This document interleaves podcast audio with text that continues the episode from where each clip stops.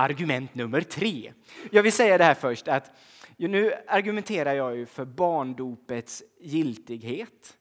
Jag argumenterar inte för att vuxendop inte skulle vara giltigt. Hänger ni med på det? Det är klart, det är klart att det är giltigt med vuxendop. Eh, och eh, om det är någon som är här och är döpt som vuxen, fantastiskt. Du, har, du kommer ha lättare på en del sätt som vi som är barndöpta får arbeta med liksom för att påminna oss om vad dopet betyder och, och så vidare. Och det här eh, seminariet är inte heller för att ni ska få redskap att vinna teologiska strider med, med, fri, med frikyrkliga som ni möter. Jag tror inte på den vägen, liksom. men det handlar om att vi ska få en trygghet när vi möter sådana som tänker annorlunda. Eh, att barndopet inte skulle vara giltigt. Så att, nej, men jag tror det. Jag tror att det är vad Bibeln lär, jag tror att det är vad kyrkan tror och så vidare. Jag är trygg i det. Yes, vi går till argument nummer tre. Jesus syn på barnen. Ni vet, Jesus älskar alla barnen, som han sjöng. Det är fin. Det här eh, läser man på varje barndop. Folk kom till honom med barn för att han skulle röra vid dem. Men lärjungarna visade bort dem. När Jesus såg det blev han förargad och sa låt barnen komma hit till mig och hindra dem inte. Guds rike tillhör sådana som dem. Sannerligen, den som inte tar emot Guds rike som ett barn kommer aldrig dit in. Och han tog dem i famnen, la händerna på dem och välsignade dem. Det här handlar ju inte uttryckligen om att döpa barn, eller hur? Det här handlar om att Jesus ska välsigna de här barnen som mammorna kommer, eller papporna kommer med sina barn till Jesus. Men det handlar på ett indirekt sätt om barndopet. Det, vi kan förstå av den här att Jesus älskar barn. Han blir arg när lärjungarna försöker hindra de här barnen att komma till Jesus. Då blir Jesus arg. Och jag, jag kan tänka lite så att om vi inte skulle vilja ge dopet till barnen, är det då liksom vi som försöker hålla tillbaka barnen från det som Jesus vill ge och som Jesus kan ge? Kanske blir Jesus eh, sur, lack på oss då. Jesus blir arg när man hindrar barnen. Barnens tro i den här texten är ju faktiskt en förebild för de vuxnas tro. Det är ju en sån där fråga annars som, ja, men hur är det med barnens tro? Räcker den till för att döpas? Liksom? Har de en aktiv tro? Och i, vilken, I vilken mått har barnen en aktiv tro? Måste man vänta tills de kan formulera tron och så vidare? Men här lyfter ju Jesus upp de här barnen och säger de här är förebilder i tro. Det är lite häftigt tycker jag. Varför är de förebilder? Jag vet, jag vet, inte exakt vad det är Jesus menar, men det finns ju massa aspekter egentligen av på vilket sätt barn kan vara förebilder i tro.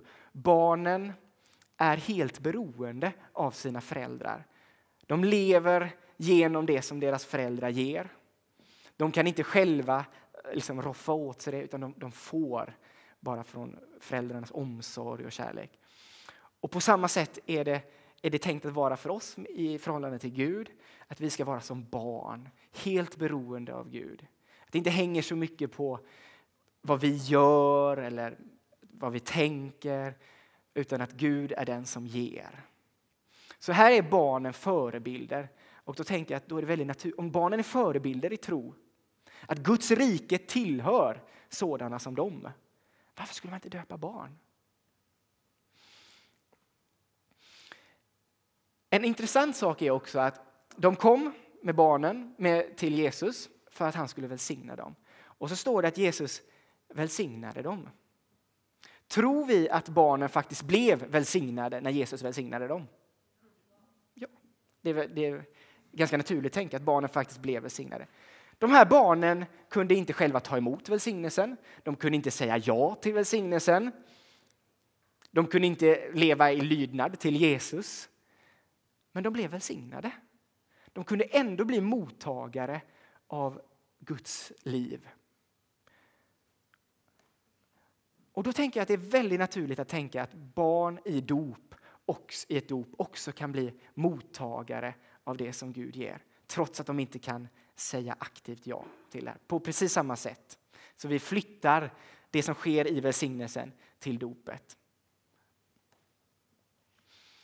Så Jesus lyfter upp barnen som en förebild och då tänker jag det är naturligt att vi döper barnen.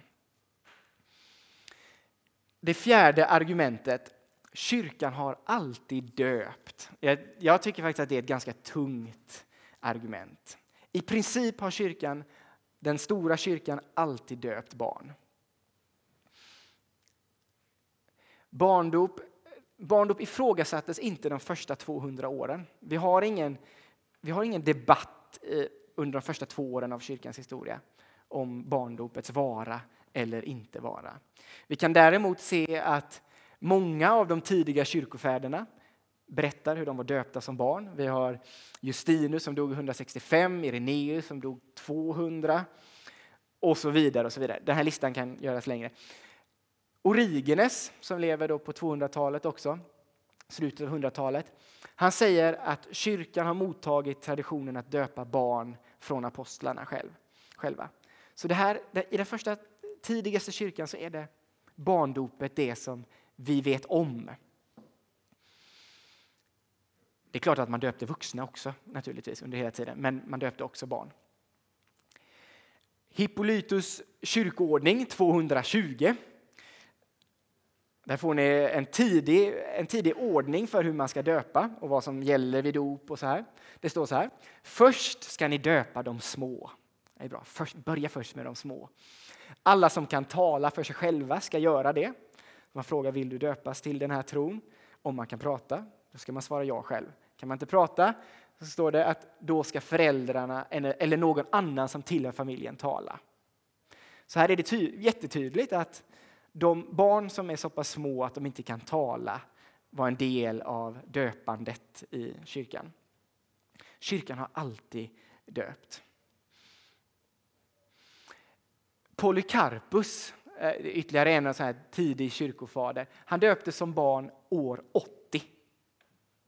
Nu är vi liksom, en del av Nya testamentet skrevs efter det här. Han döptes som barn. Han berättar själv att han döptes som barn år 80 och han var då lärjunge till Johannes, aposteln Johannes. Så vi ser liksom länken att det var det här som den tidiga kyrkan gjorde. Och den kritiken som kommer sen mot barndopen, den är, barndopet den är senare, den är på 300-talet.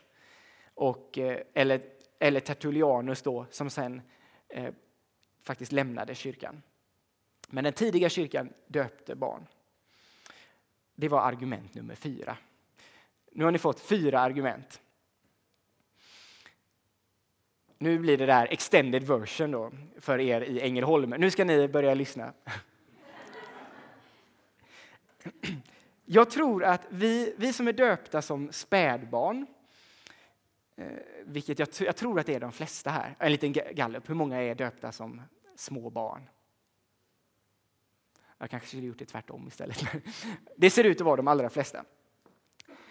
För oss är det lätt att glömma bort dopet och vad det innebär eftersom det har skett innan vi föddes.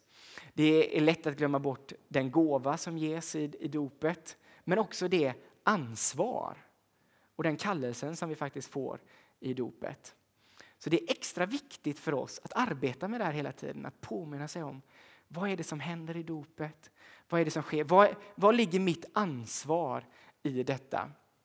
Dopet, det verkar inte av sig själv utan som någon magisk rit, utan dopet verkar tillsammans med tron. Man säger att det verk, teologerna säger att det verkar inte ex opere opero. Det verkar alltså inte av sig själv, utan det verkar tillsammans med tron. Dopet och tron går, går ihop. Och vår, vår kallelse är då att gräva i Bibeln. Vad handlar dopet om? Vår kallelse är också att då faktiskt tro på det som vi blir döpta till. Vid varje dop så läser man trosbekännelsen. Att Jesus har dött för våra synders skull, att Jesus har uppstått, att Jesus ska komma tillbaka. Det här är den tro som vi har blivit döpta till. Vår kallelse är att utforska den tron. Men det finns också ett lärjungaskap som är väldigt lätt att glömma bort i dopet när man är döpt som barn. det, det är väldigt starkt i Nya testamentet tycker jag. Genom dopet har vi alltså dött och blivit begravda med honom för att också vi ska leva i ett nytt liv. Jag tycker alltid det där är lite svårt att tala om på just dop av spädbarn. Alla föräldrar där och det är en fin tradition och så här. Nu har det här barnet dött och blivit begravet. Det är en liten glädjedödare. Så här. Men det, därför tror jag det är desto viktigare att när vi börjar upptäcka tron och vår kallelse liksom att utforska den här tron. Men vad innebär det att vara, bli begravd med Kristus? Sug på den. Vad innebär det att begravas med Kristus? Det blir, en, det blir ännu svårare för oss med symboliken här, för att vi får ju bara lite vattenskvätt oftast på pannan. Men pingstvännerna har ju fattat det här bättre tycker jag. Där, där blir man, man sänks ner i en dopgrav. Då fattar man vad det handlar om, att bli begravd med Kristus. Vi ska dö för att, för att leva ett nytt liv. Vi är kallade till ett annorlunda liv. I dopet finns faktiskt en väldigt tydlig uppmaning till efterföljelse. Jesus, vad innebär det för mig att leva ett annorlunda liv, att leva ett nytt liv? Att låta allt det där som tillhörde det gamla livet, det som var före Jesus, att låta det dö och begravas med Jesus. Att det här får bli en daglig process. Jag hade en kompis som sa att varje gång han duschade så tänkte han på dopet. Och jag tyckte det var, det var sjukt bra. Vi döps inte om varje gång vi duschas, men vi får påminna oss om all, all, all, all smuts, all skit, allt det som jag gör i mitt liv, det får bara rinna av och jag får påminna mig om att jag ska leva ett nytt liv för Jesus. Redan här och nu, som börjar nu. Vi ska bli förenade med honom genom att uppstå som han. Ja, det, det, det är grymt mycket att utforska i dopet. Men det är också lätt att glömma bort gåvan. Vad är det faktiskt som ges till oss i dopet? Vad får vi när vi döps? Och här kan man, det kan man prata massa om vad som sker i dopet. Apostlagärningarna 2 står det så här. Omvänd er och låt er alla döpas i Jesu Kristi namn så får ni förlåtelse för era synder och då får ni den heliga ande som gåva. Förlåtelse för våra synder. Det som höll oss borta från Gud. Vi är helt rena, vi är fria, vi är förlåtna, vi får höra Gud till. Vi som var långt borta får komma nära Gud själv som är helig, som är ren. Det här är fantastiskt och det börjar i dopet. Jag, jag tror ni säkert har hört den bilden förut, men det är ganska bra. Vi får gåvor i dopet, men vi får dem som inslagna paket. Vår kallelse är att man har ingen nytta av ett paket så länge det är inslaget, eller hur? Vi måste öppna upp det här paketet och utforska. Vad finns det på insidan av dopets gåva som vi har fått? Vi har fått allt i dopet, men vi har ingen nytta av det om vi inte i tro börjar utforska vad som finns på insidan i den här, i den här gåvan, den här presenten.